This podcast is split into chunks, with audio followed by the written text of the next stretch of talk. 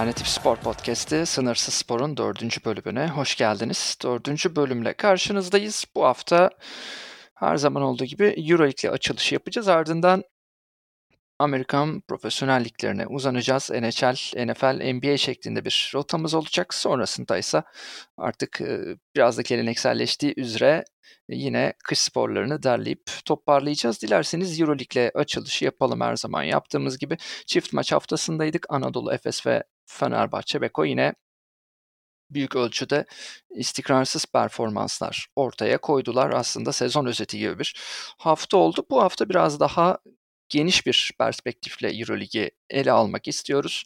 O yüzden sözü Barcelona'da Barcelona maçlarını yerinde takip eden sana bırakalım Lara. Sen neler söyleyeceksin? Nasıl geçti senin için Euroleague'de çift maç haftası ve Barcelona'yı da yorumlamanı isteriz. Şampiyonluğun en önemli adaylarından biri çünkü. Evet bir çift maç haftası da geride kaldı. Çift maç haftaları keyifli ama biraz da yorucu oluyor. Özellikle Barcelona içeride olan maçlarını kaçırmamaya çalıştığım için.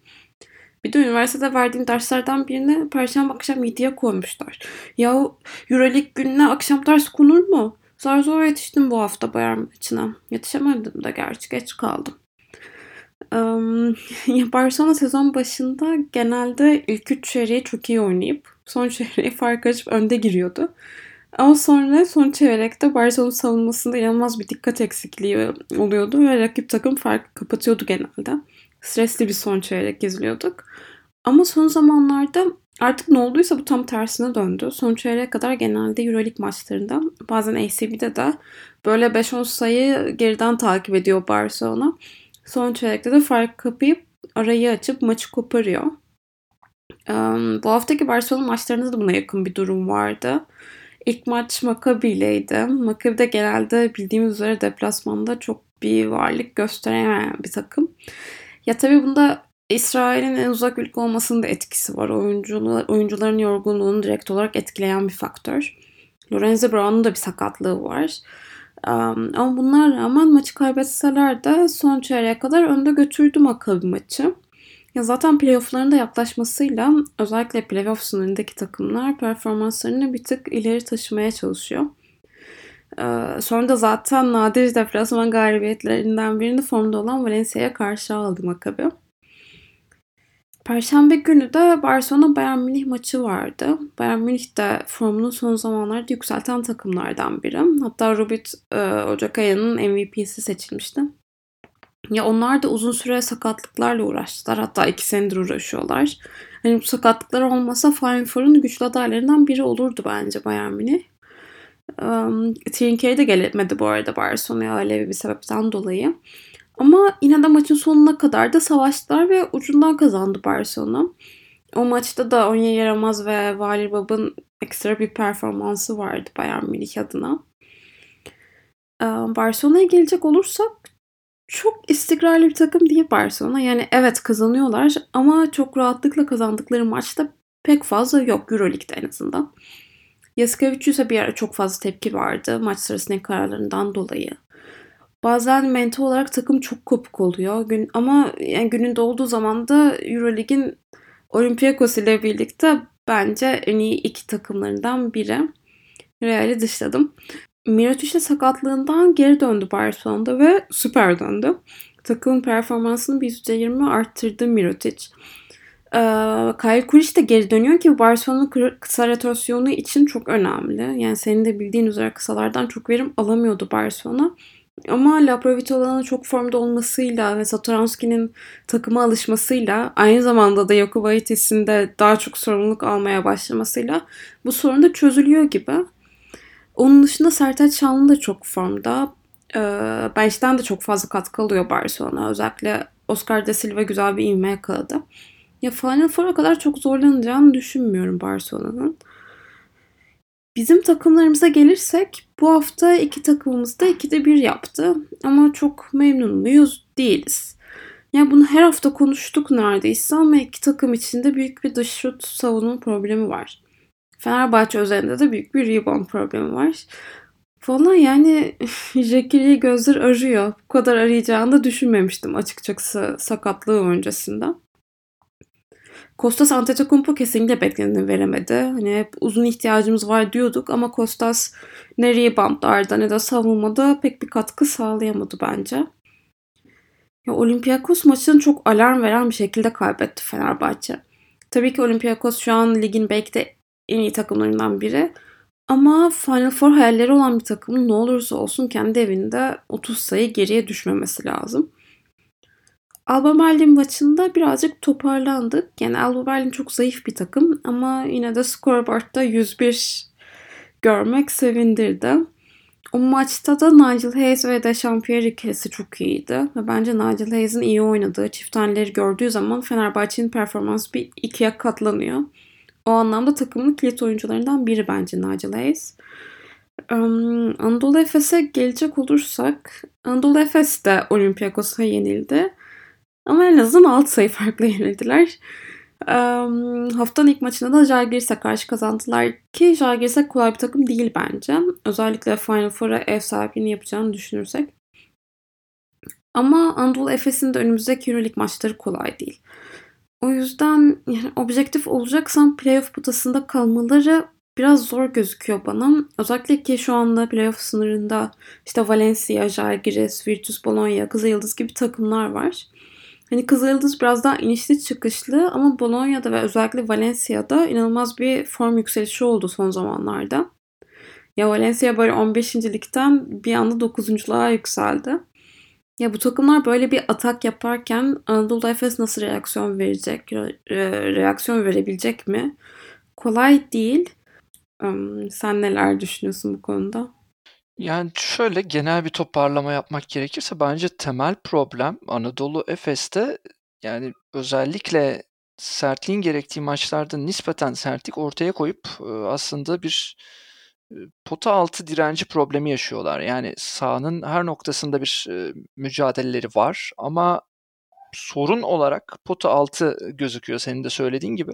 Orada da tamamen yaştan kaynaklı. Yani oraya genç bir çözüm bulmaları lazım ya da rotasyonu genişletmeleri lazım. Bunu da yapamıyorlar. Çünkü bunu yapabilecek ya özellikle yerli katkısı verebilecek isimler yok. Yani mesela bir Sertaç Çanlı olsaydı şu an Anadolu Efes'te ben Anadolu Efes'in en az bir 4-5 galibiyet daha fazla alacağını düşünüyorum. Yani Sertaç orayı hem dış şut tehdidiyle hem de rotasyonu genişleterek çok daha farklı bir noktaya getirebilirdi Anadolu Efes'i.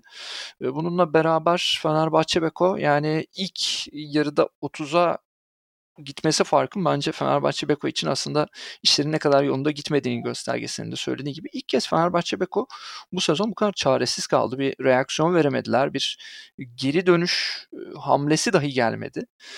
Burada tabii sen Antetokounmpo'yu biraz hedef tahtasına koydun. Ben de sana katılıyorum. Yani enerji vermesi beklenen bir isim enerji veremiyor bitiricilik problemi var. Yani Jekiri bile arıyor gerçekten Fenerbahçe Beko.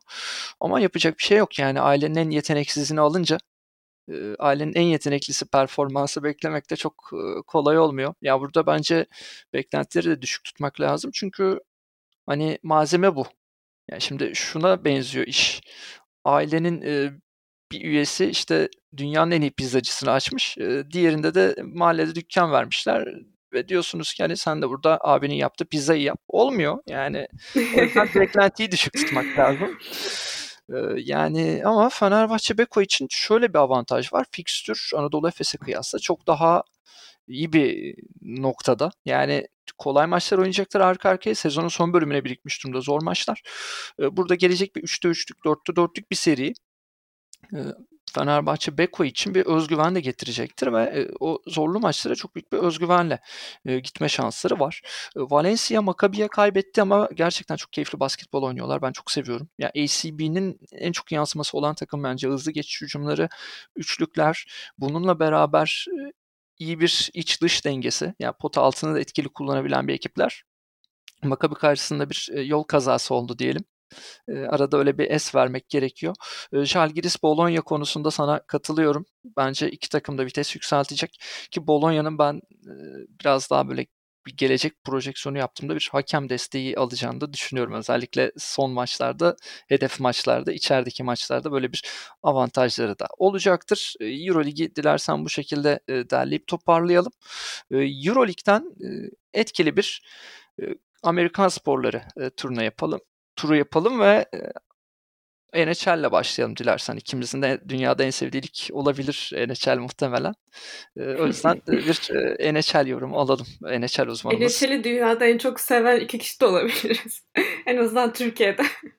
Evet Türkiye'de zaten yani üç kişi seviyor. ikisi anlatıyor. Anlatmayıp seven tek kişi de sensin herhalde. Bu yüzden evet. sana bir Oscar bir ödül de vermemiz gerekiyor. evet NHL'de sezon yarılandı.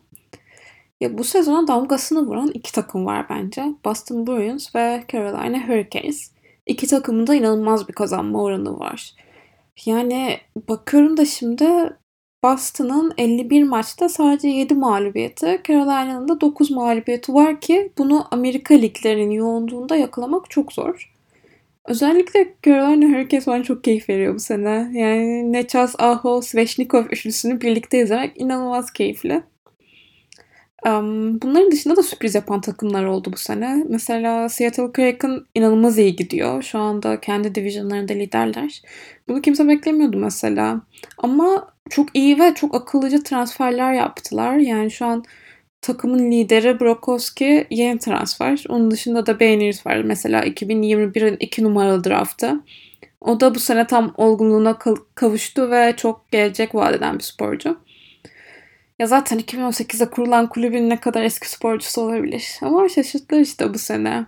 Benirs 2002'li şu yaşlandık. Ben hala 96'lı bir sporcu gördüğümde diyorum ki hmm, benimle aynı yaşta çok küçük olmalı, gelecek vaat ediyordur. Sonra bir düşünüyorum 26-27 yaşında. Neredeyse emekliliğe gelmiş. Bu gidişle 35 yaşıma geldiğimde yaşıtlarımı görünce hmm, Wonderkid diyeceğim. Senden yani, de üzdü. Üzdü evet bu üzdü. Gerçekten. Ya bu arada Seattle Kraken dedin. Seattle kurulduğunda şöyle bir geyik vardı Amerika'da. Yani burası işte Seattle Supersonics'in mekanı. Seattle Supersonics işte 90'ların sonunda NBA finali gördü. Kardeşim ne buz okeyi biz buz okeyinden ne anlarız? Niye kuruyorsunuz bunu diye. Baya Supersonics taraftarları böyle örgütlenip tepki göstermişlerdi. İlla bir şey kuracaksanız Supersonics'i geri getirin diye.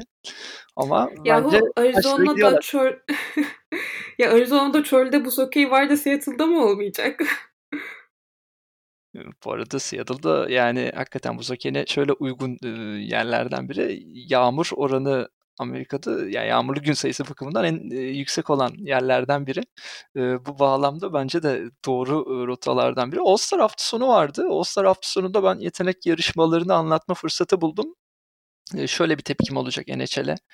Yani yarışmalar güzel, keyifli ama ne olur yani biri bitmeden diğerine başlamayın. Bitirin öyle devam edin. Ya bu hayatta en önemli kuraldır. Bir işi bitir sonra devam et. Ya bu aynı anda 5-6 kitap okumaya benziyor ve gerçekten faydası yok. Ya okuyan için de yok. NHL konu olunca e, izleyen için de yok. Ya bir bu dikkatimi çekti. E, bir de tabii ki e, çok keyifli bir e, maçtı. E, All Star hafta sonunun kapanış maçı olan All-Star e, mücadelesi. Bu konuda senin yorumlarını alalım tabii bir NHL uzmanı olarak.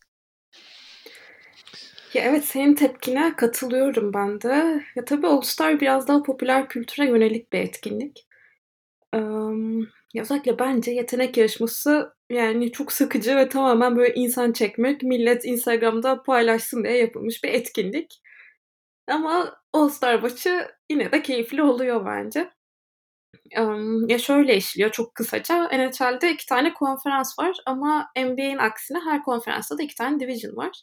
Ve her sene bu dört division işte minik bir All-Star turnuvası düzenliyor en iyi sporcularıyla. Yani çok bir önemi olmuyor. Yine seyirci çekmek için yapılan bir etkinlik. Ama en iyi sporcuları birlikte izlemek de çok keyifli oluyor bir yandan. Bir de mesela normal bu hokey maçlarında kaleci haricinde 5'e 5 oynanırken All-Star maçları 3'e 3 oynanıyor. Bu da oyunun daha hızlı olmasına, işte daha çok gol atılmasına sebep oluyor. Bu da seyir zevkini yükseltiyor bayağı. Bu sene de All-Star turnuvasını Atlantic Division kazandı. Zaten takım olarak da en formda Atlantic Division gibiydi. O yüzden de pek şaşırtmadı. Ve keyifli bir hafta sonuydu. Yani şu anda bu açıklamalarından sonra sana iki, te- iki kesim tepki gösterecek. Bir, e, halkla ilişkiler ve tanıtım okuyanlar. E, iki, NHL yönetimi. E, dileriz NHL yönetimi bu podcast'i dinlemiyordur. E, dinlerlerse çok şey kazanırlar gerçi o da ayrı ama yapacak bir şey yok. Ya, NHL yönetimi duy sesimize. Popülarite kazanmak için yetenek yarışmaları yapıp hokey kavgalarını teşvik edeceğinize spora odaklanın biraz. Dilersen e, NHL'den daha iyi e, pazarlanan, daha iyi paketlenen bir e, Amerikan e, ligine, NFL'e gidelim. NFL'de de artık e, Super Bowl heyecanı e, her yeri sarmış durumda. Buna Türkiye'de dahil. Yine Amerika'da pizza satış rekorlarının kırılacağı Evet, yine Amerika'da pizza satış rekorlarının kırılacağı güne doğru gidiyoruz ama senden için sportif tarafını dinleyelim.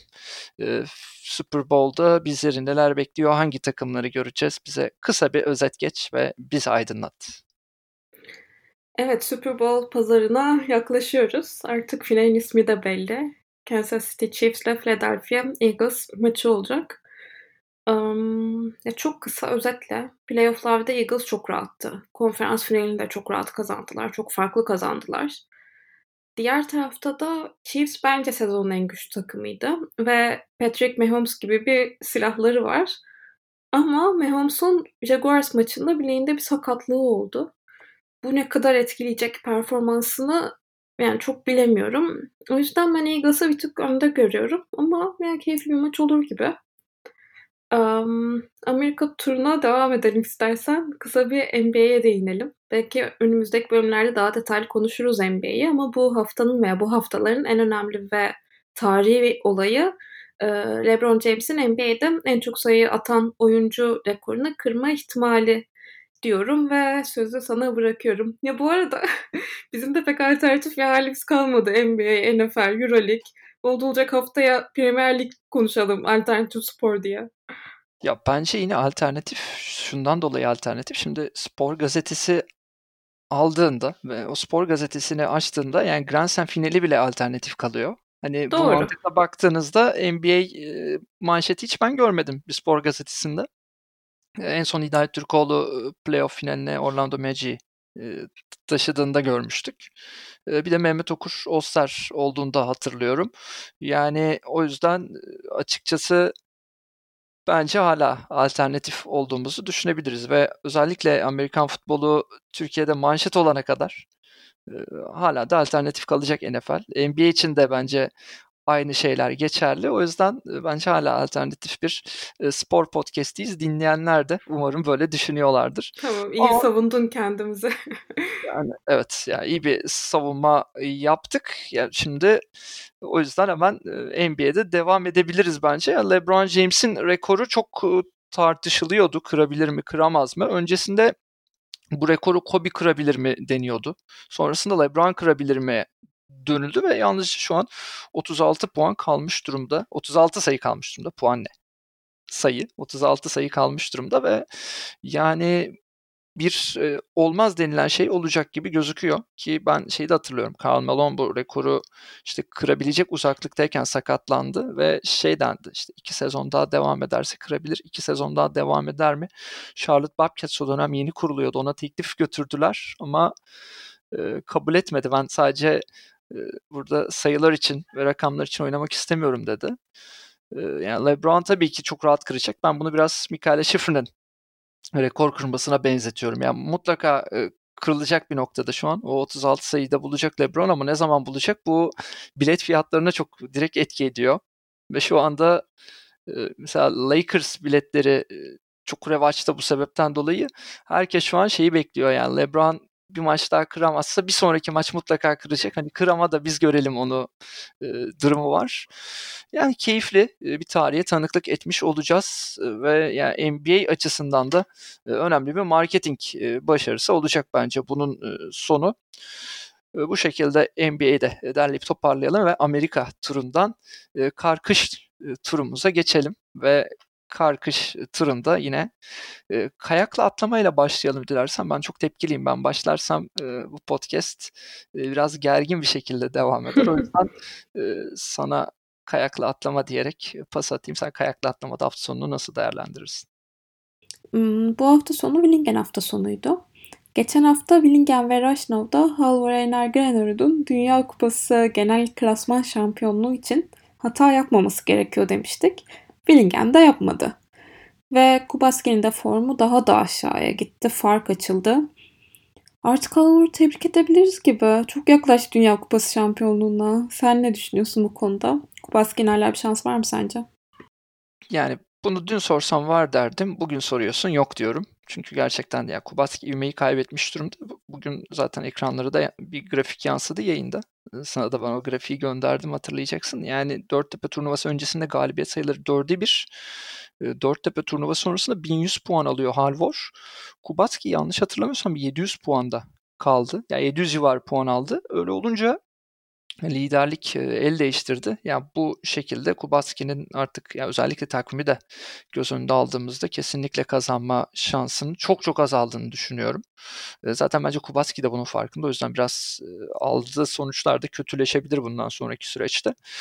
Yani Halvor adım adım şampiyonluğa gidiyor. Halvor şampiyonluğu nerede ilan edecek? Bence biraz bunu artık tartışmaya başlamamız lazım. Ben diyorum ki Halvor Vikersund'da bu işi bitirir yani eğer Kubatski kötü giderse Oslo'da da şampiyonluk gelebilir ama yani Rovier'de mutlaka bir şampiyonluk kutlaması göreceğiz. Kendi evinde bir şampiyonluk kutlaması yapacaktır Halvor. FIS'e ben çok tepkiliyim. Yani bugün kadınlar yarışı aktarma şansım oldu. Zeminde bir problem vardı ve yani en az 4 sporcu denge kaybı yaşadı ki bunlar çok ciddi denge kayıplarıydı. Yani telemarkı falan geçtim. Yere inerken problem yaşadılar. Oraya hiçbir şekilde bir önlem alınmadı ve General Tionaho iyi bir mesafeye gittikten sonra yerde kaldı. Yani ben FIS'e şu açıdan tepkiliyim. Ben burada biraz e, cinsiyetçi bir yaklaşım sezdim. Şöyle ki erkekler yarışında bir tehlike olduğunda hemen bir e, işte ekip müdahale ediyor. Hemen gereken yapılıyor. Kadınlar yarışlarında müdahaleler çok geç kalıyor. Ya ben bu özensizliği açıkçası çok da kaldıramıyorum. Çünkü burada insan hayatı söz konusu ve yani eğer sporun marka değeri, sporun işte e, biraz daha marketing gidiyorsak bunlar her anlamda daha dikkatle, özenle ele alınması gereken konular. O açıdan ben FAS'e kızgınım ve FAS'i kınıyorum.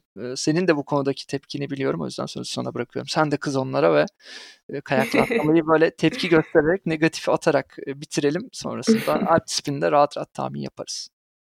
Evet, özellikle kayakla atlama gibi sporcu güvenliğinin çok önemli olduğu bir sporda bu özensizliği ben de anlayamıyorum. Ve hani sadece bu yarışta da değil, genel olarak Dünya Kupası'nda kadınlar yarışları ile erkekler yarışları arasında organizasyonu gösterilen önem konusunda çok fazla bir fark var bence. Efes bunu da pek ciddiye almıyor. Ya şöyle bir evet. sıkıntı var bir de. Yani ciddiye almıyorlar. Bence burada hem fikiriz. Ciddiye almadıklarını da kabul etmiyorlar. Yani öyle bir problem var. Yani sorunu kendisini inkar ediyorlar. Evet. Evet ve kesinlikle katılıyorum. Yani aynı problem erkeklerde olsaydı anında müdahale edilirdi. Ya bu arada Willingen'de de inanılmaz kötü bir hava vardı o ayrı. Ama bunun da tedbirin yanında getirmesi gerekiyor. Ya bir de şöyle bir problem var. Yani sıkıntı yaşayan isimlerin hepsi çok deneyimli isimlerdi. Yani çaylak sporcular bu sıkıntıyı yaşasa belki şöyle düşünebilirsin. Bu da yanlış da. Hani şöyle düşünebilirsin ya bunlar çaylak. Ya bunlar işte indiklerinde işte rüzgarı yönetemediler vesaire öyle bir durum da yok. Yani Maren Lundby gibi bence Dünya Kupası'nın hani Takanashi ile beraber en deneyimli ismi bu problemi yaşadı. Yani FIS kendine çeki düzen ver. Chika Yoshida bizi kızdırma. karşına alma. Sandro Pertile'den memnunuz ama ya. Sandro'muz iyi çalışıyor. Medya ilişkileri de iyi, insan ilişkileri de iyi. İşte bir tık daha kapılarla az oynarsa onu da. E, Sandro da o zaman yumruğunu masaya vursun yani. O da bir şeyler desin ya. Bunu herkes farkında. Evet Sandro işini yap. Sandro, Sandro işini yap. işini yap. Ne? Evet. Bu arada şunu da eklemek istiyorum. Gençler Dünya Şampiyonası yapıldı kayakla atlamada. Kadınlarda Kanadalı Alex Ruiz şampiyon olurken erkeklerde de Finlandiyalı Vilho Paarasari şampiyon oldu. Son zamanlarda podyumda görmeye çok alışık olmadığımız ülkeler. Kanada kadınlarda Alex Lewitted ve Abigail Strait ile ülke tarihinin kayaklatlamadaki en büyük başarılarını imza atıyor son zamanlarda. Erkeklerde de Finlandiyalı bir şampiyon görmek bence bütün kayaklatlama severleri mutlu etmiştir. Hani bu hep konuştuğumuz bir şey ama Finlandiya kayakla atlamanın en güçlü ülkelerinden biriyken 2000'lerin başında neredeyse 15 senedir belki de daha fazla kayıplar da. hepimiz yani Ohanen, Mattia, Tomaki dönemlerini özlüyoruz bence. O yüzden Will Hobby umutlandırdı bize. En azından böyle pozitif bir şeyle kapatalım kayakla atlamayı. Şöyle ben de şuna vurgu yapayım. Sen işte Gençler Dünya Şampiyonası ve kadınlara vurgu yaptın. Ben de şöyle bir ekleme yapayım. Nika Prevs geliyor. Ya Prevs ailesinin en yeteneklisi geliyor daha. Peter'i izlediniz, Domen'i izlediniz, Sene'yi izlediniz. Sene şimdi kendisini okuluna verdi. Eğitim hayatı önemli dedi. Bravo sana Sene. Ama Nika Prevs gerçekten çok acayip. Yani Nika Prevs benim izlediğim en böyle kayakla atlamada kadınlarda özellikle yeteneği hissettiren sporcu olabilir. Ya yani 14 yaşında Dünya Kupası'nda puan almayı başardı. Ya Prevs ailesinin en iyi ve en özel üretimini henüz görmedik. O yüzden hani kadınlar Dünya Kupası hak ettiği değeri göremiyor. Nika Prevs çok acayip şekilde geliyor. Bununla birlikte Vilo Paolo Sari'yi de tebrik ediyoruz. Finlandiya'yı zirvede görmek gerçekten keyifli ki Vilo Paolo Sari bence Gençler Dünya Şampiyonası göz önüne alındığında yani oradan yukarıya çıkabilecek en önemli yetenek. Yani onun yapabileceği etkiyi şöyle söyleyelim. Şu anda çaylak Randy Kaido. Çok parlak bir sezon geçirmiyor Japonya. Yani en kötü haliyle bile puan alıyor. Vilo Palosari bence biraz daha doğru zamanda ritim bulmayı öğrenirse, eğer ona iyi imkanlar da sağlanabilirse Finlandiya'da bu konuda da problemler var. Dünya Kupası ikon sporcusu olacak. Vila Palasari'ye de bu şekilde bir övgü ve tebrikle beraber artık ana yemeğe geçelim. Bu haftanın ana yemeği Alp ismini Dünya Şampiyonası kupası değil, Dünya Şampiyonası ve senin favorilerini alarak bu topu sana atarak biraz böyle yakan bir top ama sen bunun altından başarıyla kalkarsın. O yüzden senin tahminlerini alalım. Belki ben de biraz ilham alırım senden. Tamam, başlıyorum. Hadi bakalım. Erkeklerle başlayayım. Suldom ev sahibi avantajıyla Clement Noel. Son zamanlarda da güzel bir inme yakaladı. Dev slalom ve süper dev slalom Marco Odermatt. İniş Alexandra Motkil'de diyerek topu sana atıyorum. Evet top bana geldi. Ben de hemen sana şöyle söyleyeyim. Clement Noel'in kazanabileceğini düşünmüyorum. Tek karşı çıkacağım e, tahmin bu olur büyük ihtimal. E, Clement Noel'in yerine ben diyorum ki Henrik, Henrik, Henrik, Henrik Christophersen. E, Beğenmedim. Odermatt'a e, karşı çıkmıyorum. Odermatt yani o mantığın emrettiği bir şey. E, inişte de sana katılmakla beraber gönlümden geçen bir e, Dominic Paris. Çok böyle hoş durur. Dünya Ay, şampiyonu bir Dominic Paris. İşte evet. Şu an bence de çok güzel olur. Kadınlarda hem tahmin alalım hem de şunu sorayım. Mikaela Schifrin sence kaç e, dünya şampiyonluğu kazanır? Hmm. Ben solom ve dev solom diyorum. Çünkü artık üzerindeki baskı da azaldı bence. Sen ne düşünüyorsun? Ben şöyle diyorum. Solom Mikaela Schifrin. Dev solom Laragut geçti içimden. Laragut diyorum. Çünkü büyük şampiyonalarda bir şekilde kendisini hissettiriyor. O damgayı vurabiliyor. O yüzden Laragut diyorum. Tamam. Peki Süper Dev ve inişe ne diyorsun? Süper Dev birazcık risk alıp Federica Brignone demek istiyorum. Gönlümden de biraz o geçtiği için. İnişe de Sofia Goggia diyeyim. Ben diyorum ki iniş Sofia Goggia. Süper Dev'i biraz düşünmem lazım ya. Süper Dev. İtalyanlardan biri alır ama ben de Brignone diyeyim hadi. Aynı riski alalım. Aynı topa girmiş olalım. Ben de Brignone diyorum. Çünkü Brignone büyük şampiyonalarda mutlaka bir madalya sıkıştırıyor. Neden altın olmasın? Benim evet, e, bence madalyalarım de. bu şekilde. Son birkaç haftada da yine bir ivme kazandı Brignone. Ee, hatta dev salonunda da podyum gördü. O yüzden güveniyoruz kendisine. Evet ve kamu spotuyla e, tamamlayacağız. E, kamu spotu görevini de sana vereyim. E, hazır e, kapanışa yaklaşmışken sen kamu spotunu ver ben kapanışı yapayım. E, Alp disiplini Dünya Şampiyonası'nda e, bizi dinleyenler en çok hangi yarışı e, izlesinler? Yani diyelim ki bir yarış seçme hakları var. O yarış hangi yarış olsun? Hmm, güzel soru. Um, erkekler süper dive slalom diyorum. Çünkü sürpriz olma olasılığı en yüksek olan disiplin bence. Evet, kamu spotunu verdik.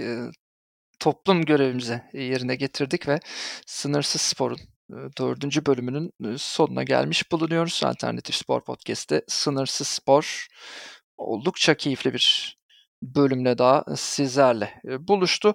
Gelecek haftalarda da sizlerle spor dünyasındaki gelişmeleri alternatif sporlar üzerinden paylaşmaya devam edeceğiz.